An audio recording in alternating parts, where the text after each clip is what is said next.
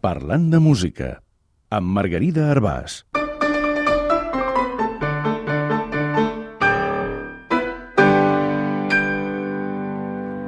Homòfons. Arribem al parlant de música número 100 i per celebrar-ho, entre cometes, parlarem d'homòfons. Per què justament avui?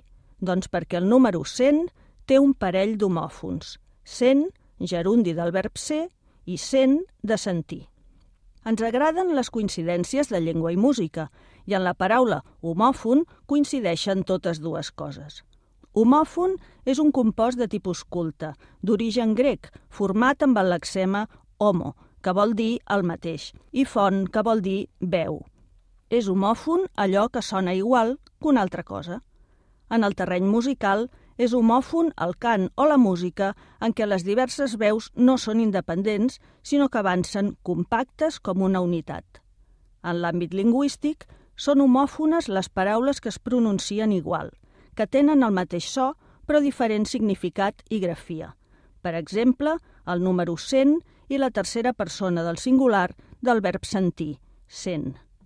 Els homòfons són parcialment homònims. Són homònimes les paraules que, com els homòfons, es pronuncien igual, però a més també s'escriuen igual.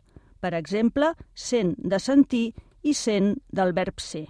O el número 10 i 10 com a naixement d'aigua, origen d'una font. Però avui, al parlant de música, no arribem al número 10, sinó al 100.